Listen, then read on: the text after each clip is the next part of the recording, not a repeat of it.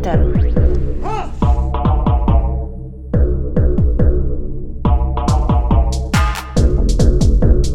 Berätta inte för mig om det svenska klassamhället. Jag har sett det. Jag har växt upp i det. Jag hatar det. Ja, hej och eh, välkommen till eh, Komintern. Vi sitter här i den bästa studion skulle jag säga, som inte är Studio Sörmland utan vi sitter i en källarlokal i, i Umeå med eh, våra, våra ljudgrejer och sen så bredvid mig till höger finns det ett pingisrum. Bakom mig finns det en bänkpress. Till vänster finns det ett kabeldrag och en, eh, ett dipsstativ. Så att eh, jag trivs som en dröm. Bastu runt hörnet. Bastu runt hörnet, det här är, det här är peak upplevelse. Vi är inte i Göteborg. Det är vi inte. Vi är eh, på semester i Norrland. Vilket gör att man känner sig lite ringrostig. Men eh, det ska nog gå bra ändå, tror jag. Vi är mitt i semestern. Det, vi är inte på vårt eget ljud heller, så att vi får, lyssnarna får ha tolerans med att det låter som det låter. Vi får se. Men vi har färdats långt för att vi har tillgång till en eh, bra gäst som ska fylla i eh, en och annan lucka, kunskapslucka kring eh, radikaler, revolutionärer och klasskamp i eh, landets nordligare delar. Eller hur? Men innan vi drar skynket av gästen, kan inte ni berätta var vi har varit hittills? Tror inte våra lyssnare vill veta det? Det kanske de vill. Om de har tagit sig igenom sju och en halv timmes sommarserie om de här platserna. Ehm, jag skulle vilja börja lite tidigare egentligen. Att eh, när vi för, eh, för trogna lyssnare så vet vi att vi var i Stockholm för i vintras. Spelade in. Avsnitt som eh, har släppts, avsnitt som kommer att släppas. Eh, och ehm, då kröp det fram att eh, Gaspar aldrig hade varit norr om Stockholm tidigare. Och det här fick det ju att blåsa ånga ur mina öron. Så nu så då planerade vi att vi skulle ta oss så långt upp som möjligt. Och sen så kom det också fram att eh, Andreas länge har haft en, en fascination Fuktig dröm, skulle jag säga. mm, att eh, besöka så många av de eh, lägren där svenska kommunister internerades under andra världskriget som möjligt. Och då är ju Storsien kronjuvelen. Så vi var i Storsien. Pratade med riktigt goa norrländska farbröder. Blev invisad i en liten uh, fäbod där en liten, liten farbror hade ett litet Storsien-museum. De tar ju inte riktigt vara på den mycket lilla turism som ändå dras dit. Åtta om året gissade farbrorn komma på besök till Storsien. Mm. Det finns ingen skylt, utan det man får göra är att man får stanna i den korsning som Storsien är och se förvirrad ut tills någon kommer ut och förbarmar sig över den. Vilket de gör, och de gör det vänligt och sådär. Men eh, det, det är vägen att gå liksom. Ja. Eh, från Storsien så åkte vi ner och kollade på Seskarö. Det var ett ämne som vi bara berörde lite kort, men eh, det var ju eh, ett hungeruppror på Seskarö. Eh, och det var, ett, det var ett, de gjorde mycket bättre i att eh, ha ett litet monument och eh, ja, det var lättare att hitta. Men det var väldigt starkt, fint som fasen. Vi ska göra någonting om Seskarö någon gång, det är faktiskt riktigt coolt. Och det kommer säkert beröras i dagens avsnitt. Vad har vi sett mer? Det har varit sådana intensiva dagar. Vi har badat bastu, vi har varit något punkhus, vi har ätit goda middagar på olika restauranger. Eh, graven för de som eh, mördades när Norrskensflamman sprängdes, brändes också förstås. Inte Mm. minst. Och på vår väg hem ska vi hinna med Ådalen. Ådalen, Streckmonument, eh, Häxmuseet. Vi ska hinna med en himla massa grejer. Imorgon är en intensiv dag.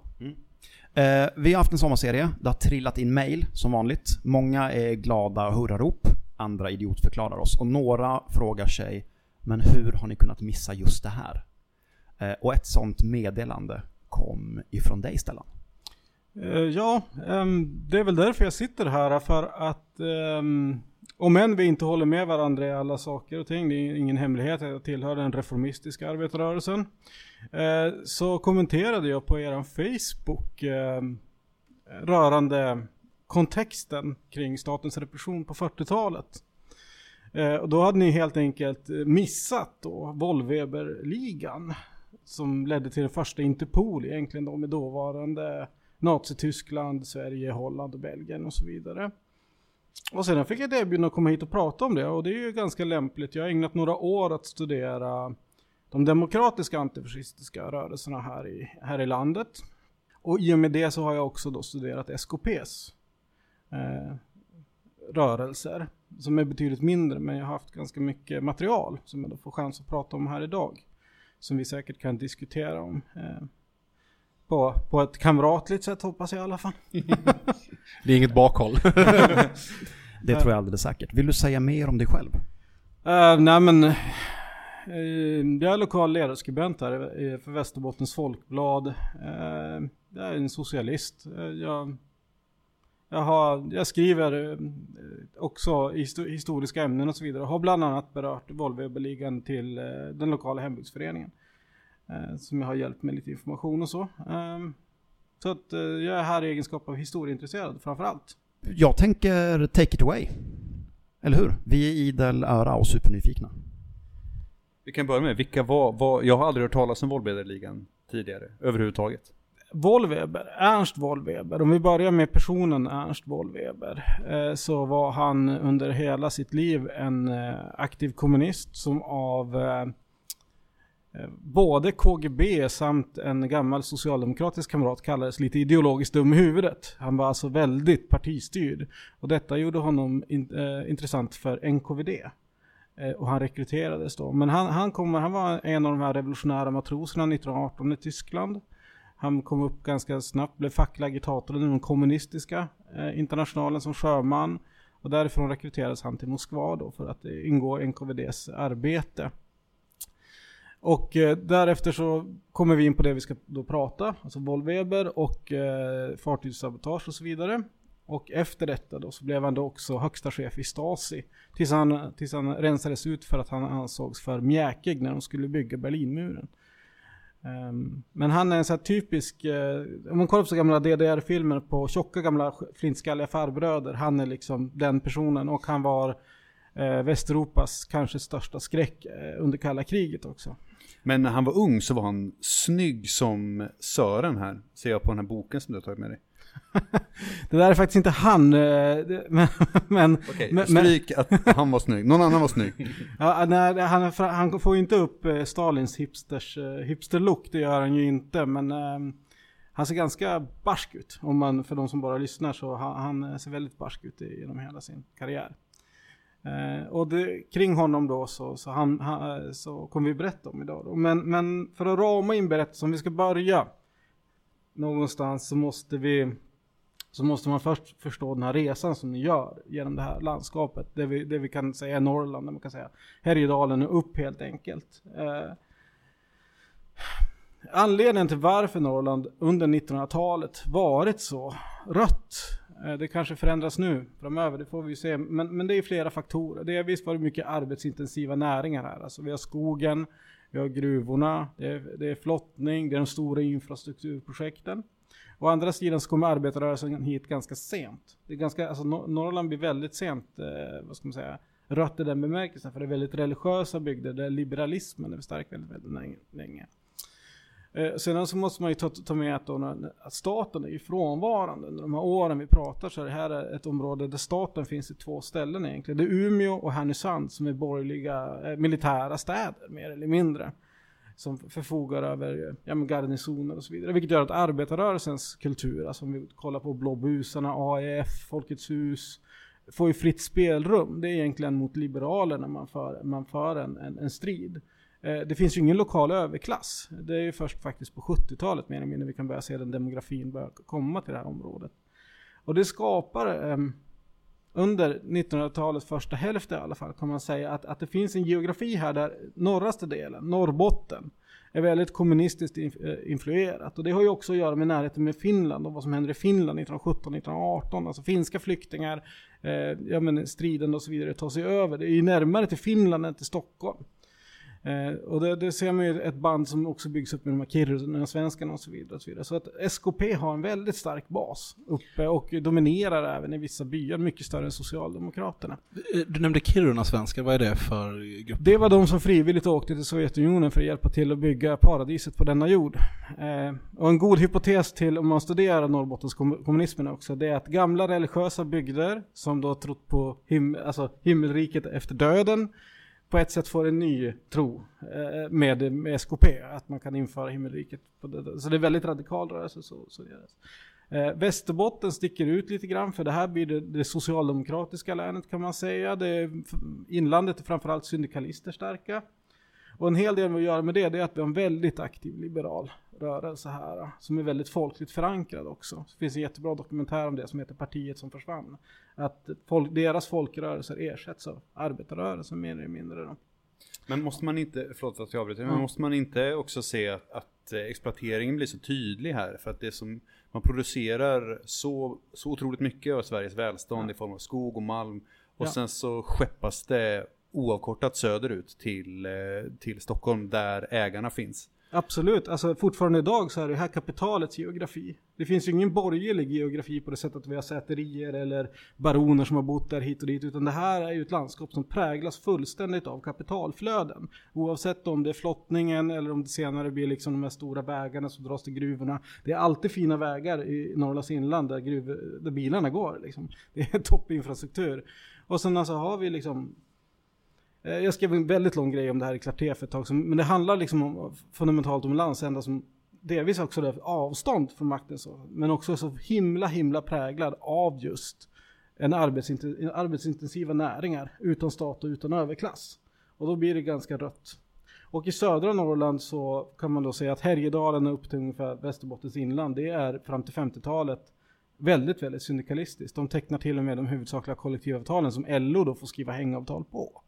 Så att vi har en, en, en, en schatteringsgrej här. Om vi tar 1942 eller någonting, då har vi, ett, då har vi en, en landsända som efter, efter att ha varit pausad av arbetarrörelsens utveckling i Malmö, Göteborg, Stockholm och så vidare, har gått in i ett väldigt radikalt skede. För då har striderna från 1917 då, när hela kusten, från alltså då eh, nere vid, ska man säga, vid Bollnäs ungefär, vid Söderhamn, upp till Seskarö, är det uppror.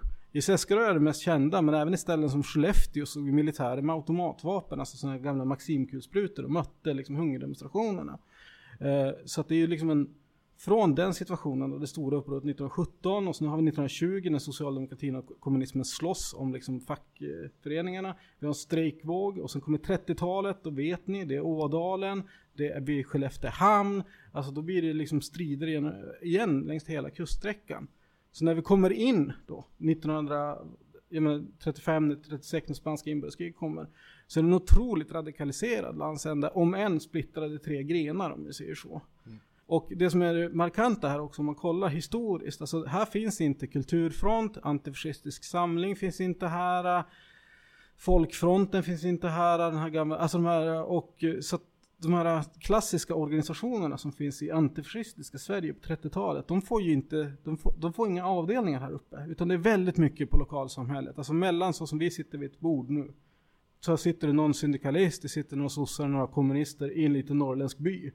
Och där bildas små lokala enhetsfronter och det är utifrån det klimatet som, som det händer saker helt enkelt. Fascinerande historia. Alltså, eh, jag menar, det är väldigt fantasieggande att tänka sig de här, du vet, kaffestunderna runt om i, eh, i de små byarna där man planerar och lägger upp, och antagligen bråkar en hel del och sen så hittar gemensamma beröringspunkter och Ja, det mest imponerande jag sett i samordningsväg det är bojkotten mot tyska varor och då hjälpen till Spanien. För det sker då på ett mer eller mindre decentraliserat enhetligt sätt mellan alla tre falanger då. Att man bojkottar tyska varor och så vidare.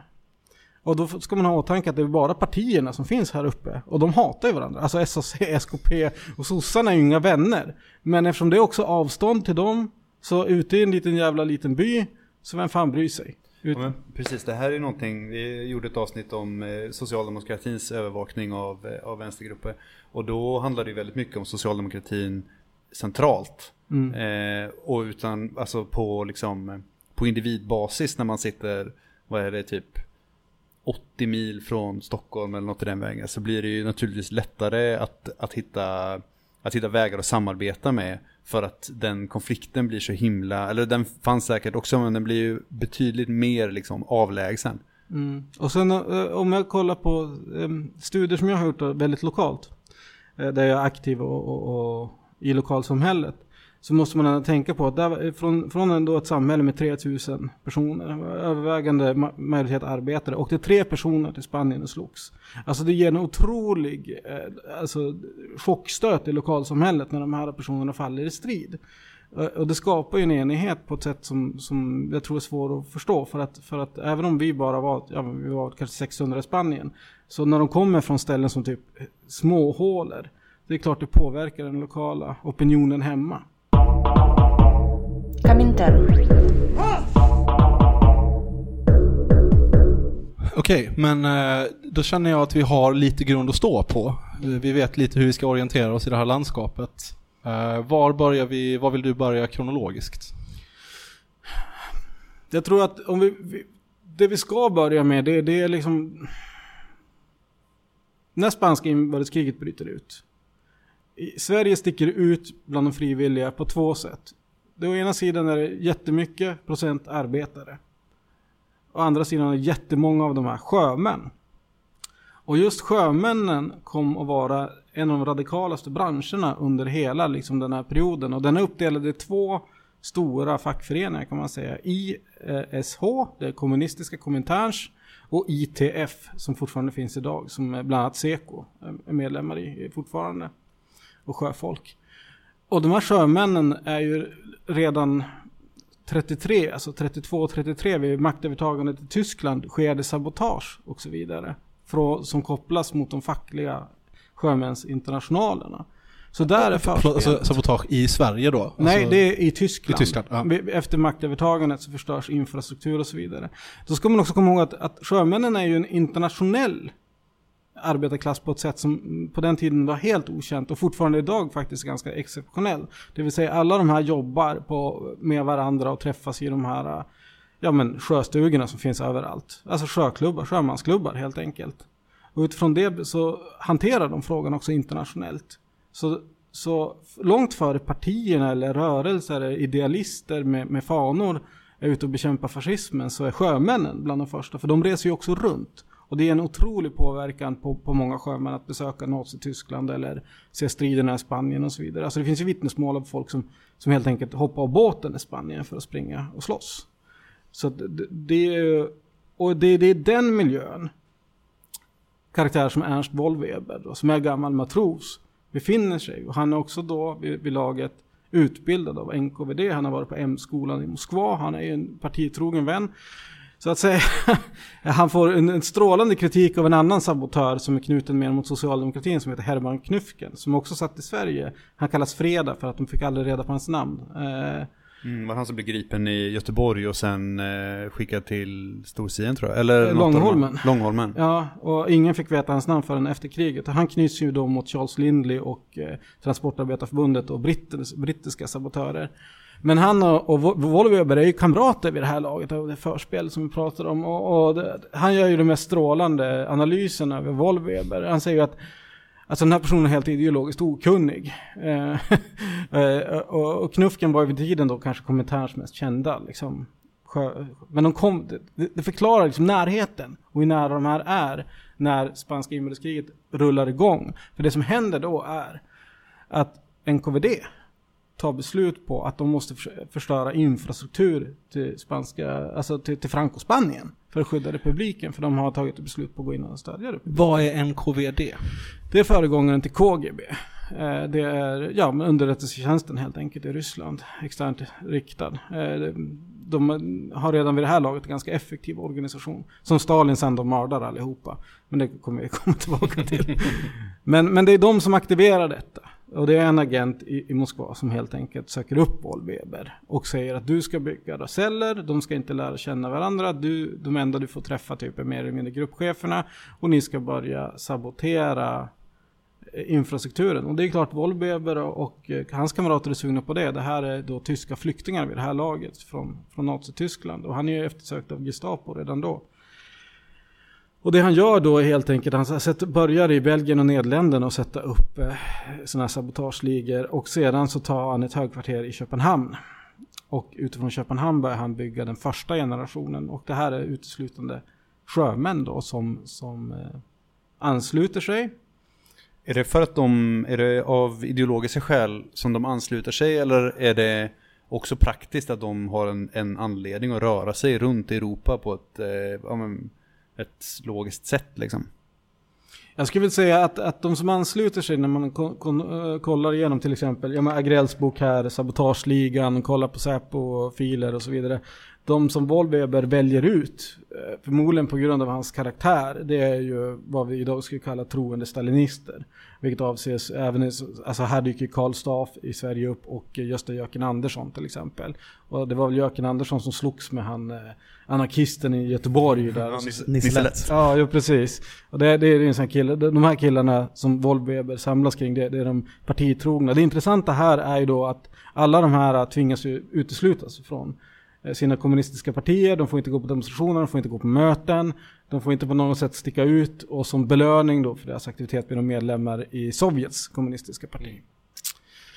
Eh, och så börjar det liksom helt enkelt. Så de börjar lägga på sprängladdningar utifrån Köpenhamn som, vad ska man säga då, en, en, en, eh, en rekryterande bas ganska nära Tyskland så kan de börja lägga ut sprängladdningar. Problemet är att de här sprängladdningarna suger. Och det är då han, man kommer in på, på Sverige och Norge och framförallt då Sverige. Var, var är vi nu i tiden? Mitt i, mitten av 30?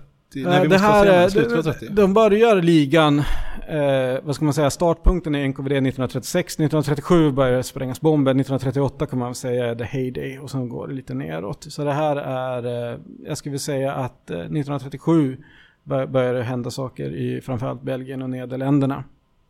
Eh, nu, kan, nu är det så här också, det var ett tag sedan jag läste det här, jag kan inte säga gift exakt på datum och så vidare, jag kan ge ett flöde. Ja, ja. Ja, ja. Men, men Men bara så man kan orientera sig Ja. ungefär vad som händer. eh, Men det här är då liksom innan eh, till exempel Köpenhamn är ockuperat. Ja, Så- eh, exakt. Och det här är mitt under brinnande spanska inbördeskriget. Och eh, kollar man på de eh, skepp som drabbas så är det ju här eh, det man kallar Axisländerna. Alltså det är Tyskland, Japan, Spanien och så vidare. I Köpenhamn sker ju också att de sänker tre pråmar. eh, Eh, med, med bomber som gör att de faktiskt flyttar basen också. För det är då det, efter de tre pråmarna sänks. Och då har svenskarna kommit in i bilden. För det svenskarna gör unikt för Wollweberligan det är konstruktionen av bomber och dynamit. Och när svenska polisen efter sig kollar upp det här så är det ju ett enkelt som fan att få reda på dynamit i Kiruna och andra arbetsställen. Det är bara att plocka på sig på arbetsplatsen. Och två, den här konstruktionen görs ju helt uppenbart av SKP-are i, i Kiruna och Luleå. Eh, han heter Johan Nyberg, det är också han som har grundat Nybergs Mekaniska. Ett, ett, ett, han har ställt upp en intervju på YouTube där han, han, han, nej, men han, ställer, han, han bygger de här konstruktionerna. Och med de här konstruktionerna blir Volvo-Weberligan då, eh, kan man säga, ett, de blir ett internationellt hot mot, mot eh, framförallt Tyskland, men, men de blir en internationell nyhet. Det är den första kommer säga, internationella terroristligan som, som har jobbat nu på ett bra tag sedan ja, bolsjevikerna före revolutionen. Liksom. Så att under den här perioden 37, 38, 39 så är det alltså 29 skepp som får bomber på sig. Och det effektiviseras när svenskarna kom in i bilden. Hur många av de här skeppen sänks? Är det alla eller är Nej, det, det, liksom... det är olika slagkraft om man får använda den, den termen. Utan, utan de här första har ju väldigt ineffektiva anordningar och sen förbättras de ju då med tiden. Men sen så har det ju med handhavande och så att göra också. Eh, Men några av dem är, eh, jag tror det är 19 som förliser helt och hållet. Eh, Det är det ändå går- ett avtryck får man säga. Ja, det är ett avtryck. Och eh, tre av dessa kommer från Sverige och det pekar ju på att de har haft, eh, eh, vad ska man säga, celler på, på, på, på tre ställen. Vi känner bara en till. En i Luleå, ett, ett holländskt fartyg som, som åker på det. Eh, Kramfors, alldeles vid Lunde, alldeles vid Lunde-monumentet, 500 meter bort ligger Sprängsviken. Där anlände Karpfanger som jag har försökt luska lite på. Och tre timmar senare då exploderar två brandbomber där.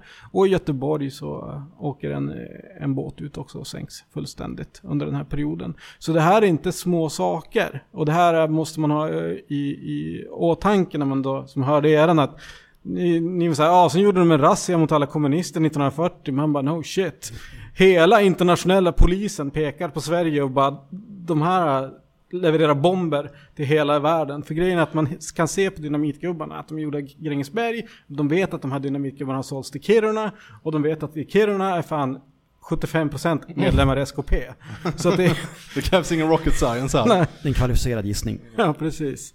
Och ett, eh, ett Sverige som väl redan då måste vara nervöst för, eh, för både Tyskland och Sovjet vill ju gärna inte liksom synas i de sammanhangen. Ja, Kan man ju exakt. tänka. Och då får, eh, blir det mycket polisresurser på att hantera Mm. det så kallade problemet. Precis, och eh, samtidigt som Sverige, vad ska man säga, blir eh, en infrastruktur för det här nätverket så är det ju framförallt eh, de som anländer i Oslo, alltså Norge som, som drar på sig de här smällarna. Och det här är ju, som sagt, som jag sa innan, alltså det här föranleder ju flera, flera stycken eh, konferenser av internationell polis. Inte minst då Gestapo som är ju de som kan kliva in i rummet och säga den här killen heter Ernst Wollweber och det här är hans gamla gäng. För de har ju koll på de tidigare sabotagen och så vidare såklart. Ah, så han pekas snabbt ut? Ja, han, han, är, ingen, han är ingen okänd person. Han, han pekas direkt ut. Alltså, de har ju också en form av eh, spioneri mot Moskva. Där de har såklart identifierat honom. Som varit där och lärt sig helt enkelt. Och det första Wollweber gör när han kommer till Köpenhamn och Oslo och sådana ställen. Det är att han, han gör ju en skola. Så här spränger du en båt. Och rekryterar det. Alltså folk som är unga. Jag tror att... Eh, jag lyssnade på en dansk bara häromdagen som är med i en film och han var 17 år när han gick i det här nätverket. En 17-årig sjöman. Så att det, det, det blir action så att säga. Och, och det här fortsätter fram till eh, Molotov-Ribbentrop-pakten. Att de här fartygssprängningarna pågår. Och polisen kan inte fram tills dess eh, egentligen slå till på något sätt. Men det som händer här eh, också, som är ganska centralt i hela Wollweber-historien, det är att Gustav Ceder i Luleå är en av de aktiva. Han är en mellanhand. där Han har lämnat ut åtminstone en bomb till ett, till ett holländskt fartyg. Och det här är anledningen varför vi känner till saker. Han går till polisen. Han går till polisen och berättar om sin involvering. Han pratar om eh, norska medlemmar som är hem- hemma hos honom. Den nu dåvarande Skandinavienchefen är en kille som heter Hjelmen i Norge som är bland annat varit där och så vidare. Och han ger ut det här för att han håller inte med om strategin. Han, han upplever inte att eh, att det råder ett krig mot fascismen helt enkelt. Och han pressas då av NKVD såklart via order att inte säga någonting men han, han går till svenska polisen. Och i och med det så rullas ju Luleåenheten upp. Mer eller mindre. Men det här är intressant med razzian ni var inne på. Eh, norrländska snutarna blir tokiga och vansinniga när staten går in och gör de här massrazziorna. För här har de koll på Volvo liksom och börjar sakta nysta upp ett nätverk. Och så kommer Stockholmssnutar och gör en razzia över hela landet som gör ju att alla i Wollweber gömmer ju sig. Alltså, de, de, kan, de kan gripa den dåvarande chefen, Hjelmen, för att han är uppe på ett falskt pass. Så det blir som en win då. Men då är ju hela nätverket, det blir en signal till hela nätverket att gömma sig. För ingen av dem är partimedlemmar Nej. eller syns på några demonstrationer eller nej precis. Nej. Så de, de, eh, i och med detta, det, det är därför vi förmodligen inte vet någonting om Kramfors, vi vet ingenting om Göteborg. Vi, alltså vi kan ju alltid misstänka folk eller ha hypoteser. Men det finns inga direkta knutna medlemmar till svenska Volvo där. Man vet bara att fartyg kom dit, åkte därifrån och det sprängdes bomber. Eh, så att, eh, men om vi då är på tidslinjen, Molotov-Ribbentrop-pakten. Vilket år är det? 40... Det är blir 19, alltså Ett, de, 19, två, nej, nej, nej, nej, då börjar kriget. Alltså det här är ju 1939. Mm. Mm. 1939 så, så går den här, eh, NKVD skickar helt enkelt ut en order, nu är vi polare med tyskarna. Eh, vilket inte, eh, det blir en föreledare en hel del diskussion i det här nätverket självklart. Det här är, flera av dem har ju varit involverade i att, att slåss från 33. Och nu Eh. får de inte bomba fartyg längre. Ja, nej, utan de, får- de får inte bomba. Det de gör då, det är att de ska ställa om sin organisation. Eh, och det här är intressant med kommunikation. Jag kanske inte har sagt det innan. Det här, det här nätverket fungerar ungefär som Al-Qaida idag. Det vill säga de har ingen som helst radiokommunikation, inga brev, inga, det är bara förtroliga samtal. Så det är ganska långa vägar. Men i alla fall, Wollweber tar sig till Moskva, träffar sin chef. Chefen säger att du ska ställa om den här Volvo-organisationen för nya målsättningar och bygga en ny struktur. Och då kommer den andra generationen. Och det de gör då, det är ju att året 1939, Spanienkriget är slut. Det är att Volvo i Sverige då, det är att de börjar rekrytera de Spanienfrivilliga som kommer tillbaka och är pålitliga SKP-medlemmar. Och det blir liksom den andra generationen Volvo Som har gått från sjömän till krigsveteraner mer eller mindre. Får jag bara, innan vi går vidare i eh, kronologisk ordning här, för att det, det, det, det är intressant det du säger om att hela den här eh, eh, ligan eller nätverket agerar så att det är bara genom förtroliga samtal. Eh, och att f- helt enkelt får, ta, får packa sig till Moskva när han ska få Ja. veta vad som gäller. Men hur rör han sig genom, eh, liksom, hur tar han sig till Finland? Tar, tar han skidorna liksom? Och, Han åker på falska pass genom tåg, alltså på tåg på falska pass. Som Hans Koller Okej. och eh, Frans Koller. Eh, vi kommer till det senare, för det är så han kommer åka fast också nämligen. Men, men det är falska pass som utfärdas av NKVD, som är då ja, men, världskända för, sin, ja, men, för falska pass och sådana Mm. saker vid det här laget.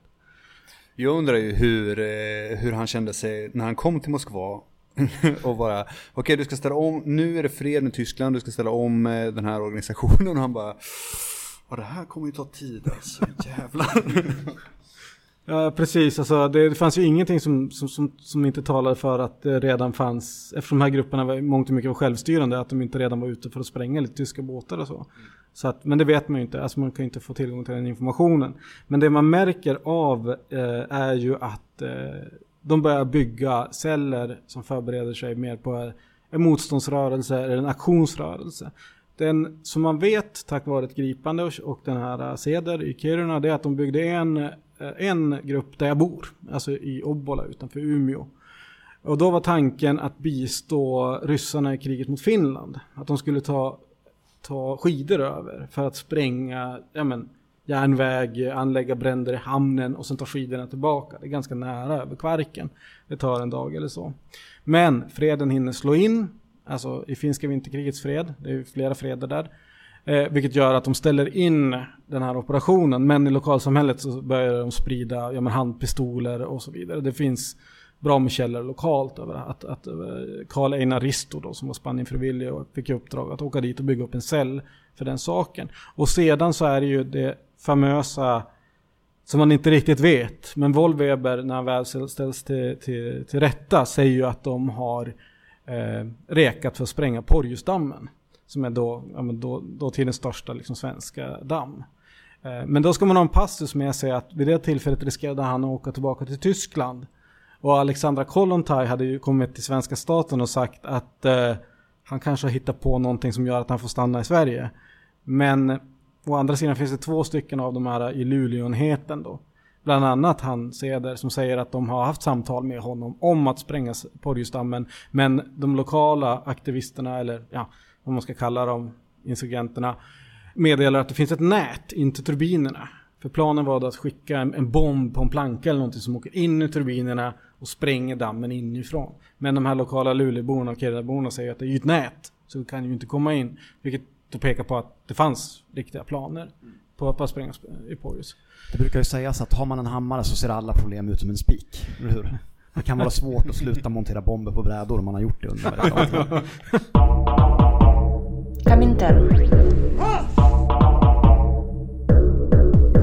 Eh, Ja, och det som händer då 1940, om vi går till det, det är att i Ottebol i Sverige så står en lokalpolis och undrar varför en person som uppger sig vara dansk på passet och bryter väldigt mycket på tyska. Och eh, det är då, ja det är ju han, eh, jag tror han heter Frans Koller, hävdar han sig vara. Och eh, det- det som har hänt det är ju att Norge har ockuperats av, av tyskarna. Så Ernst Wollweber måste ju byta bas igen. Först Köpenhamn, sen Oslo. De har ju fallit. Han hävdar i alla fall att det han är på väg nu det är en resa tillbaka till Moskva för att förmodligen få nya order. Vid det här laget har ju också typ halva NKVD skjutits av Stalin. Så att det är ju väldigt dålig kommunikation med hemmabasen. Och det här är en kille som är väldigt så här, vad säger partiet? Ja men de ligger ju i gravar allihopa. Men det, han säger det bara rakt upp och ner till den här lilla lokal kling och klangsnuten i att mitt namn är Ernst Wollweber och jag leder en internationell terroristliga. och vad fan gör man med den informationen? Och det gör ju han för att han, han vill ju på alla sätt och vis inte hamna i tyska händer. Men han grips ju då för förfalskande av pass. För att han kan ju styrka att han är Ernst Wollweber. Eh, som åker där med sin fru och då blir han gripen i sex månader i Sverige och under de sex månaderna så gör ju Sovjet då tre olika försök för att få honom eh, utlämnad till sig. De, de säger att, att, att han är kriminell i Sovjet och måste dömas i Sovjet. Eh, de säger att han ska utlämnas så kan, de, så kan de ge en fånge tillbaka. Och den sista är ju den här, men om man har gjort någonting väldigt hemskt på svensk mark kanske han får stanna. Och det är ju då i Kiruna, eh, där, eh, det är där rättegången är som, som de säger, när ligan, att vi, vi tänkte spränga Porjus.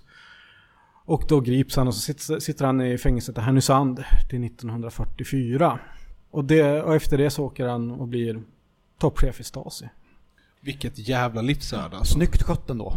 Ja, För att det var ändå... utlämnande till Tyskland hade ju varit en säker dödsdom. Ja, de försöker ju pressa på flera stycken. Det finns ju många flyktingar i Sverige. Det fin- den lilla internationalen, om vi ska ta ett litet sidospår, finns ju i Sverige då. Och det är ju framförallt tyska socialdemokrater som, som driver det. Så, att, så tyskarna har ett jättestort intresse, framförallt för Knufken, alltså Freda, och Wollweber. Båda de har ju Gestapo bevis på, har liksom ja, sprängt bomber i Hamburg och sådär. Knufken har ju till och med, han kapade ju ett, ett fartyg för att åka till någon jävla kommunistkonferens. Alltså det är ju Eh, det, det, det, här, är- de här sjömännen är väldigt speciella karaktärer i den bemärkelsen. Så tyskarna vill ju väldigt måna att försöka få dem utlämnade. Men ha, hur mycket har det att göra med att krigslyckan har börjat vända för, eh, för eh, tyskarna efter Stalingrad? Att han inte blir utlämnad? För om man sitter... Stalingrad är 43, eller hur? Mm. Och eh, efter det så börjar det bli tydligt att så här, det här nu börjar, nu vänder krigslyckan. Och 44, då ger sig USA in i kriget. Ganska sent 44 i och för sig, men, eh, men ehm, så att det måste ju eh, ehm, du menar att Sverige vacklar lite i huruvida man ska utlämna honom direkt? det är lite lättare att stå emot en, en påtryckning från Tyskland eh, Alltså- så sent i kriget. Man ska nog inte ha några illusioner om den svenska neutralitetspolitiken. Det är någonting som jag har skrivit mycket om på Demokratikämparna. Att han kan mycket väl ha bara varit ett, ett, ett kort i ett spel för, för Sverige. Helt enkelt. Och sedan när de såg att nej, men, vi kan inte få ut någonting av det här längre. Om då får Sovjet tillbaka honom. Han själv led ju av ganska, alltså, vad ska man säga, han fick en nervös sammanbrott under striderna i Stalingrad. För han visste inte hur det skulle sluta och sådana saker. Ehm, och eh, han var ju väldigt sjuk, sjuk under sin vistelse här i, i, i Sverige. Eh, Som han repade upp sig då i, i Moskva när, när han kom dit. Ehm, Men han försökte ju också på hälsoskäl ta hem honom dit. Men vi behöll ju honom. Men det där var ju, det är inga, alltså vi hade ju jättemycket Spanien-kämpar också från Tyskland. Vi hade engelska kommandosoldater, vet som du vet, de gör räder i, i Norge, men de flyr hit och gömmer sig och så vidare. Så det pågick ju alltid ett spel med de här flyktingarna fram och tillbaka. Det var ju till och med en stor statlig kommission om, om 1946 om hur Sverige hade hanterat alla de här flyktingärendena. Det var ju många läger, alltså ni, ni pratade förra avsnittet om de här 13 stycken för, för svenska arbetare som var på olika sätt då var. Men det fanns ju ännu fler för, för eh, utländska soldater och så vidare som på olika sätt kom hit till Sverige. I Kusfors här i Västerbotten satt de socialdemokratiska antinazisterna. De hade jättestora problem med att, att nazister försökte infiltrera deras läger, alltså Gestapo. För att eh, i södra Västerbotten, och där satt ju alla nassar. Så svenska kling och klangsnutar skulle liksom avgöra om en tysk var nazist eller inte. Och för en tysk kling och klangsnut, men kommer in en kille med svart uniform och, och liksom hakkorsbindel, är du socialdemokrat eller nazist? Alltså det är ju väldigt... Det är också, det, det är också ett ganska hög, eller så här, stora konsekvenser för att om du är nazist och kommer in på det antinazistiska lägret då, då, då har du problem och, Ja. och vice versa liksom. Ja men ännu värre om du, är, om du är nazist och du låtsas vara socialdemokrat för att hamna i det socialdemokratiska lägret för att samla information. Ja, ja visst. Alltså, Jo, ja. Du nämnde din blogg Stellan, vill du säga något mer om den? Jag tänker att vi kan länka den i avsnittsbeskrivningen. sen. Ja, det är demokratikämparna och det är väl ingen, jag har haft en hel del föredrag i det här och det här, det här är ett litet nätverk eh, som vi forskar ju framförallt då på den demokratiska delen av svensk antifascism som är bulken, den stora majoriteten. SKPs, eh, vad ska man säga, rörelse hinner aldrig få sån frukt eller sånt folkligt stöd och det jag tänker mig att Volvo spelar in i den, i den, den var mycket mer militant men också då på så sätt liksom kunde inte skapa samma frukter. Om vi kollar på den demokratiska delen, de kunde ju ställa upp en hel eh, Två, eh, två divisioner där som bildas där 1944 för att befria Norge av gamla Spanienfrivilliga och så vidare. Och de utför flera sabotage den demokratiska delen för de har hjälp av SOI, i, framförallt britterna. Och sen har ju de socialdemokraterna och eh, syndikalisterna i huvudsak som rör sig i de lederna. Och sen har vi SKP då. Och SKPs strategi, kan vi, vi kan bara drafta igenom den. Först är det Röda frontförbundet, RFF, som bildas 1933 och håller på ungefär två år. Det är alltså uniformerade, det är ett försök med en paramilitär styrka ungefär här i Sverige. Eh, Den mest effektiva delen av RFF, åter, intressant nog till det vi har pratat om, det är Röd Marin som finns i Stockholm. Röd Marin är alltså röda matroser. De, de gör en kampanj för att befria Tellman, de firar upp liksom röda fanor på militära fartyg, det är ett jävla hallå. Det finns jättemycket på Kungliga biblioteket om, om just Röd Marin och det är den mest effektiva delen av Röda frontförbundet. Men det de märker av liksom, den stora showen som de har för övrigt är Ådalen begravningen, för då kommer RFF dit med, med några liksom uniformerade. Liksom. Men det får ingen antifascistisk liksom, deras strategi faller inte. Och det, samtidigt kommer kommentaren då ändra sin strategi. RFF är ju klass mot klass. De gamla, du vet, socialfascister och så vidare. Och sen kommer kommentaren helt plötsligt när Sverige har bildat RFF då och säger vi ska ha enhetsfront. Så, så det. Socialdemokraterna är goda igen. Ja, precis, och då ska de ta av sig alla sina påkar och liksom uniformer och grejer och gå på ABF-möte. Alltså, det, alltså de faller ut väldigt fel, SKPs antifascistiska strategier. Och eh, bara det här jättebråket, för det fanns ju en gigantisk organisation som hette Antifascistisk Samling. I styrelsen där var det så här, det ska sitta två sossar, två syndikalister och två kommunister och sen satt SP där också. Socialistiska partiet innan de svängde. Och det där blev ju gigantiska bråk, för SKP var verkligen så här. Kommentaren har ju sagt då, då ska de komma, över med, komma överens med liksom SAC, de ska komma överens med sossarna och med SP då, som är som ett lokalt kommunistparti kan man säga. Så, att, så hela Antifascistisk Samling sprängs ju en gigantiskt bråk som bildade förbundet Kämpade Demokrati. Jag vet inte om ni har sett 12 edsvurna män, den klassiska filmen. Är det den där, där det är en jury som ska... Exakt, exakt. Ja. Den utspelar sig i ett rum, bara svartvitt. Man skulle vilja se en sån fast det är en konferens med antifascistisk samling istället. Men jag tänker att det måste vara, det måste vara svårt när man har, eh, när man styrs så tajt från ett, eh, ja men av främmande, man har så lite liksom eget handlingsutrymme. Och den makt som man liksom är lojal mot på något sätt, den, eh, den har ju sina egna geopolitiska idéer liksom. Som, som mycket väl inte alls kan spela in med, med vad man själv vill och tänker liksom. Att det blir ju ett, det blir, eller i, i min hjärna skulle det bli ett, ett stort problem liksom för, för kampen så att säga. Ja, alltså eh, rent konkret kan man väl säga så här att eh, om vi kollar, om, om vi jämför två sabotörligor, om vi tar Volvo Ebbe då, eh, som då är styrt av, det är en internationell liga som, styr, som, som är huvudsakligen styrd av NKVD.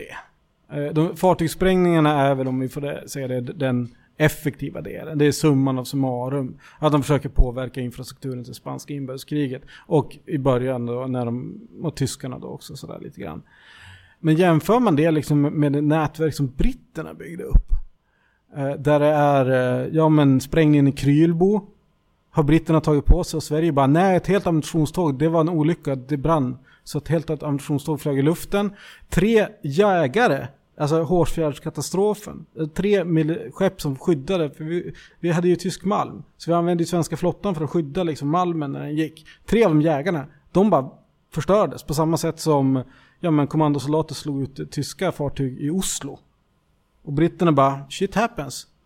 Så att vi har aldrig kunnat nysta upp det där. Och det det man hittar på svensk sida på, bland britterna och även vad britterna säger, Peter Tennant och Hugh Marks och Malcolm Munthe som nyss kom en bra bok om och sådär. Det är ju att de hintar väldigt mycket att de hade så himla mycket mer på lager.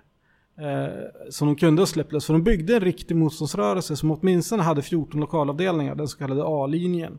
Som byggdes mellan norska flyktingar framförallt, och alltså norska motståndsrörelsen som befann sig här. Och eh, ja, de här, vad ska man säga, kretsarna kring förbundet Kämpande demokrati. Bland annat Göteborg då med, med Åke eh, Jonsson tror jag han heter, och Olsson. Och Olsson heter han. Och hans fru, eh, två prominenta syndikalister där. Och det är väldigt, eh, det är bara det en rafflande historia som jag, som jag pratat ganska mycket om. Men det är liksom, det rör sig om det rör sig om att, att syndikalister och sådana går in på brittiska ambassaden och mer eller mindre får uppdrag av föregångaren till MI-15. Liksom. Så att Men- det... För jag har någonstans att i, nu minns jag inte riktigt vart det är, men att eh, i alla fall tidigt under kriget, eh, så i Norge så fick eh, den, den liksom motståndsrörelsen som var uppbyggd av, av britterna, de fick liksom inte göra så mycket, Mm. i alla fall inte tidigt, medan kommunisterna liksom hade ett mycket mera aktivt och att det blev ett problem för, för den brittiska motståndsrörelsen för att folk som ville slåss mot tyskarna ville ju slåss mot tyskarna liksom. Det här, och är, inte det, sitta och vänta på order. det här är intressant för nu kommer Ernst Wollweber in i, gänget igen. För det är han som bygger den här äh, kommunistiska partisanrörelsen.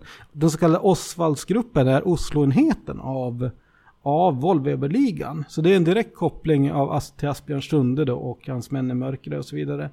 Men ja, det stämmer ju huvudsakligen det du säger. Britterna var mycket mer picky. Och de bara, ja, men vi slår ut den här fabriken, den där saken. Men, de ut, men britterna var också lite smutsiga. För det de gjorde om de ville göra något smutsigt, det var att de ringde upp Asbjörn Sunde och Osvaldsgruppen och sa skjut den här nazisten. Då sa de, vi skjuter väl klart en nazist.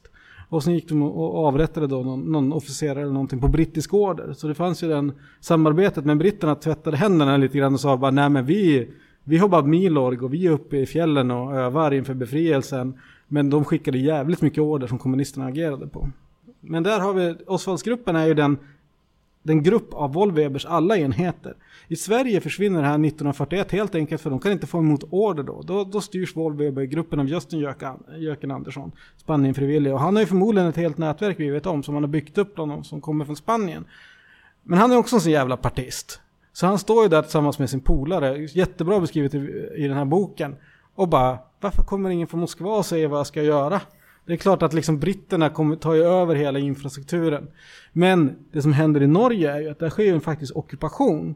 Så hela den här Wollweber-organisationen, den slår ju över till motståndsrörelser direkt. Och börjar rekrytera och kämpa och så vidare. Som, som, som finns i den här bra filmen Män i mörkret. Eller boken också, som, fast det får man läsa på, på norska. Och den delen av Volvo-organisationen är officiellt erkänt av de allierade. De har ju liksom en, den här eh, hammaren som slår sönder ett hakkors i Oslo. Liksom, den avskaffades ju inte ens förrän veteranföreningen la ner ungefär. Så då har man Spanien, Belgien, Belgien eller Nederländerna, Belgien. Eh, ganska snabbt nedlagt. Danmark föll när det ockuperades. I Sverige levde det kvar med, med de Spanienfrivilliga i någon mån. Men i, i Norge blev det här en, en, en aktiv del av, andra världskrigets stora historia så att säga. På tal om Norge, så det finns en sån jävla rolig eh, norsk eh, nazistsekt liksom som eh, bröt med Quisling för, för att de tyckte att eh, tyskar var så smutsiga undermänniskor som kom söderifrån. De hade svinbra koll på vart, eh, vart liksom norska motståndsrörelsen, eh, vart de tränade liksom och vart de hade sina skjutövningar och ja men god, god koll liksom på norska motståndsrörelsen. Vägrade säga något till tyskarna. Bara, vi lämnar inte ut några, några norrmän till tyskarna för tyskarna, alltså det är smuts från söder, det ska vi inte ha här uppe.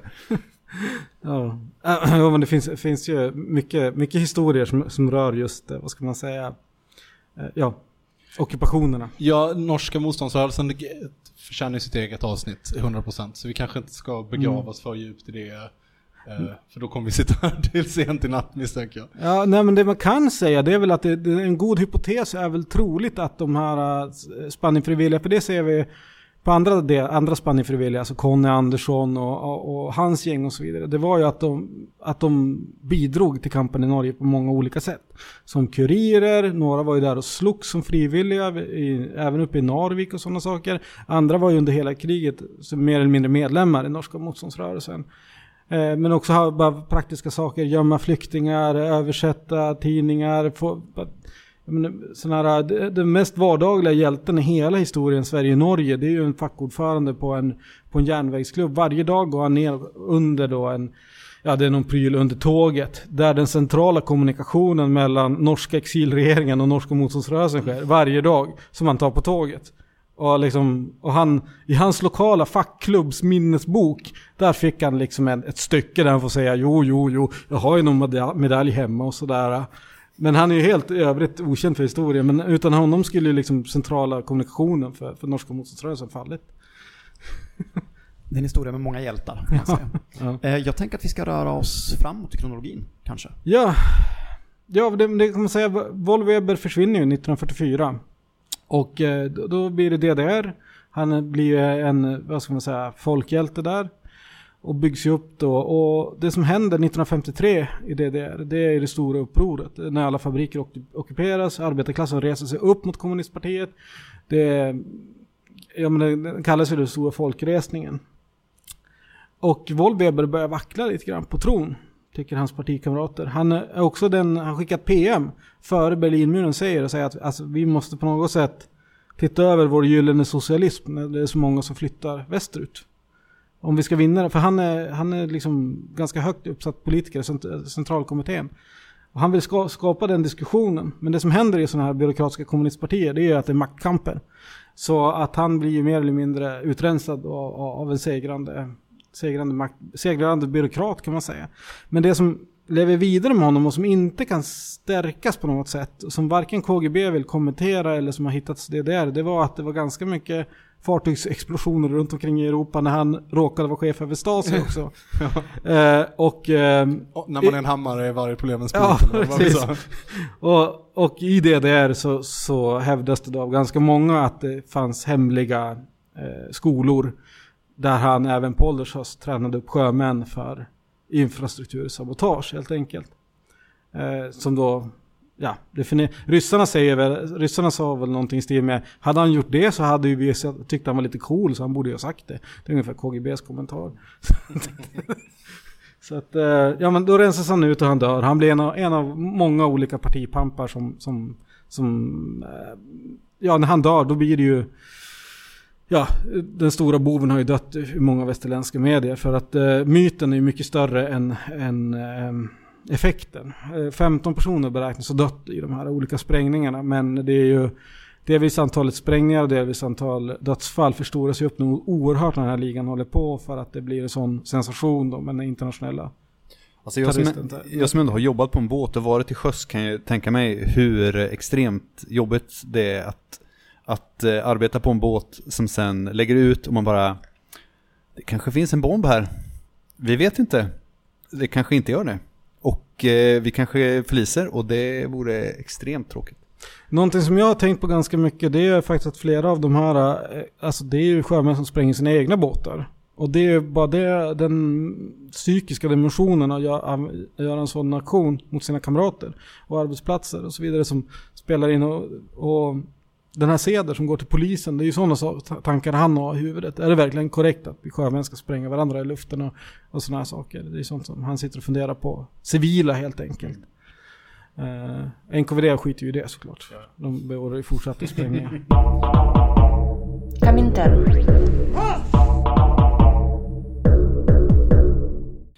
Um, ska vi hoppa tillbaka till Sverige? Jag vet att du ville prata lite om röda Norrbotten va? Efter kriget. Vart tar SKP vägen? Varför blir det som det blir här uppe? Ja, jag har ju berört det ganska mycket förhistorien så att säga. Och det som händer efter kriget är att eh, SAC retirerar ju. Delvis för att den svenska modellen så att säga har ju börjat rulla igång. Och eh, SAC är en väldigt materialistisk och väldigt eh, rationell rörelse. Det handlar ju om lokala avtal ute på, framförallt bland flottare, rallare och skogsarbetare. När då reformismen börjar ge saker i avtalen så börjar SAC också tappa mark. Förutom då i, i Härjedalen. Men det finns ju två stora organisationer kvar i Norrland. Och det ena är SAP och det andra är SKP. Och sen finns det ju senare också AKP. Och efter kriget blir det en stor maktkamp mellan de här. Och det är här man måste då förstå socialdemokratins agerande utifrån då för att skapa en hegemoni. För de har skapat en hegemoni i södra Sverige. Där har socialdemokratin liksom vunnit. Och där har de börjat långt tidigare också. Som jag var inne på att arbetarrörelsen här blev ganska medveten ganska sent. Så att i södra Sverige finns pamparna redan om vi får Det är Stockholm och det är Älvborgar och bla bla bla bla bla. Och hela norra Sverige, det, det är liksom... Det går inte att förlita sig på norra Sverige. Det är därför man också anlägger många läger här under kriget. Det är därför man har en intensiv liksom, övervakning. Och det här, några saker kommer in. De, de pekar in Kiruna som specifikt intressant. Alltså finns sossarna som skickas upp i Kiruna ligger långt vänsterut om dagens vänsterparti. För de ska övertyga skp För det här är killar som alltså blir hjärntvättade i marxism. De ska upp och prata om reformismen. Eh, Och för att vinna över Kiruna-arbetarna. Och det blir en jättestrid. Sen startar de arbetsplatsklubbarna. Alltså socialdemokratiska arbetsplatsklubbarna. För att liksom vinna den striden ute på golvet mot kommunisterna. Och sedan så sker det ju då liksom saker som faller, alltså som, som SKP inte liksom tjänar på. Som gör att de tappar ekonomi också. Alltså kuppen i Tjeckien, alltså Pragkuppen. Eh, och sen Stalins brott och så vidare. Och då börjar den här saken och ting rullas upp. Men det som har hänt, om du ger 30-40 år där Blå blusarna, SKPs kulturförening, får agera. Och på Folkets hus hänger Branting och Lening bredvid varandra och sådana saker. Det är att det bildas identiteter, det bildas kulturer som gör att i många byar i Tornedalen, Båtskärsnäs, alltså eh, Norrbotten, men vissa delar av Västerbotten, de blir kommunister ungefär på samma sätt som man föds till religion. Och det är den generationen som vi kanske ser nu har liksom börjat dö bort. Som dog bort på 90-talet och början av 2000-talet och så vidare. Där de helt enkelt de föddes in i en familj, alla känner någon som har suttit i de här lägren, alla känner till Kiruna, svenskarna, Volvo-ligan, razziorna, Flamman. Alltså det här är, det skapar ju en hel lore. En, en lore i liksom en landsända, där staten fortfarande, det var först på 60-70-talet liksom som, som staten på riktigt etablerar sig. Eh, Och det är då också som socialdemokratin liksom slår över och vinner liksom slaget om Norrland. Men som hegemomi så är det fortfarande så, fortfarande, men det kan ändras, de, alltså strukturerna förändras och så i samhället. Men än så länge i mitt levnadsår så har jag alltid varit rött varenda val. Och det fi- finns många, många liksom, även där jag bor i modern tid, nu, nu bor jag i en gammal bruksort som nu medelklassen flyttar in i. Men ändå så att 250% vanligare att man röstar på V där än i riket. Alltså, saker lever ju kvar.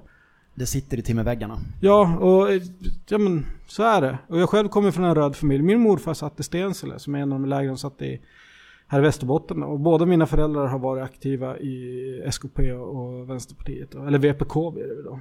Eh, och sedan så. Så att... Eh, då, då, då föds man till en kultur, till en identitet. Stort för oss den här resan att få dyka in i denna lore, lite tycker jag. Eh, Lore var ett bra sätt att uttrycka det. För det finns faktiskt en lore att att snoka runt i. Ja. Ja, och det är det som är ett jävla problem för svenska staten. Och det här är någonting som jag tycker är intressant. Det, det här är ju saker vi kan diskutera sen eh, över en kopp kaffe eller någonting. Men svenska staten har ett avstånd som fortfarande består här uppe. De kan, eh, alltså Sverige finns kvar i Umeå, liksom en, Eh, klart här är nationalstaten stark och det är till och med en sån här megacity, det är mångkulturell, kopplat till det globala nätverket av, av kulturstäder och så vidare. och så vidare. Men fan, åker du ut till småbyarna här, då hänger det egna fanor. Vet du. Det är samiska fanor, det är no egenproducerade norrländska fanor och det är allt möjligt och så vidare. Och det är ju någonting som är intressant i konceptet här. Vad kommer den här identiteten, när den lever kvar i min generation och så vidare, vad, vad, vad väntar den framöver? Och det blir jätteintressant att jämföra den med vad för staten, alltså från, från 90-talets nedskärningar och framåt så har ju staten dragit sig tillbaka från, från Mm. landsbygden generellt. Så hur kommer, hur kommer liksom den kulturen skilja sig här uppe från till exempel Dalsland Mm. eller liknande söderöver? Ja, är man härifrån då, sä- då, då säger vi att det är den här kulturen som, som ja, men fixar Sollefteå, ockupationen i Sollefteå, kampen i Dorotea, de här äh, ganska hårda bärstriderna där typ alla gick ut och, och, och backade upp strejkande bärarbetare. Eh, det- finns någonting där. Äh, men det är jävligt kaxigt för oss i min generation att säga att det här är en tradition. Du vet, då blir man farligt nära, blir så här, äh, ja men du vet. så här traditionalist liksom. Då tappar man, då tappar man spänsten i hjärnan på något sätt liksom. Eh, vi är uppe i en timme hörni. Eh, är det någonting Stellan, det finns förstås mycket som vi inte har hunnit med, men någonting som vi absolut inte får missa som du vill dra innan vi tackar för oss? Ja men... Om vi tar, om vi tar eh, vad, vad ni inte ska missa när ni är här uppe och reser. Det, det ni tycker ni ska se det är strukturförändringen. Alltså kolla på de bruksorter och så som, som ja, vi är födda på 80-90-talet där alla gick i varseljackor och så vidare. Kolla på hur de förändras. Se liksom de här nedlagda bygderna. Studera liksom som du säger, alltså statens reträtt, privatiseringen av apoteket. Kolla på sådana saker och sen åk hem med de tankarna. För de sker också i södra Sverige. De sker i det lilla, alltså i det inland som finns där också, om det, även om det är geografiskt litet. Och där finns det någonting som kommer att påverka Sveriges framtid. Så är det. Och det, nu har SD den marken. Men SD kan aldrig förklara varför det är som det är i de här orterna. Fint. Tack så hemskt mycket för att du vill vara med. Det här var ju superintressant. Ja, jättebra. Gött snack. Mm. Eh, Det här spelas in eh, under vår semester på sommaren. Vi får se när det släpps. Ehm, Men det är ju tidlöst, tänker jag. Jag ser nu att eftersom min mick går in så fruktansvärt dåligt så får någon av er dra outrot. Tacka, mejla, insta, Ja. fråga ställa om outro. Eh, ja, Eh, jag kan ta på mig det. Spott och spe innan jag kör en femma till på bänken här i det här fantastiska inspellokalen som vi är. Eh, men eh, spott och spe och eh, hyllningsrop kan eh, med fördel mejlas till kominternpodd.gmail.com Kan följa oss på Instagram. Tack till eh, GRK Northeast för eh, intro och eh, ljud. Tjingeling. Gruvor, fabriker och skogar. Från högfjällets solkyssta krön Från lappmark till kustbygd vi frågar. När får vi vårt arbetes lön? Från lappmark till kustbygd vi frågar. När får vi vårt arbetes lön? Vi sprängde den svarta metallen. Vi timrade,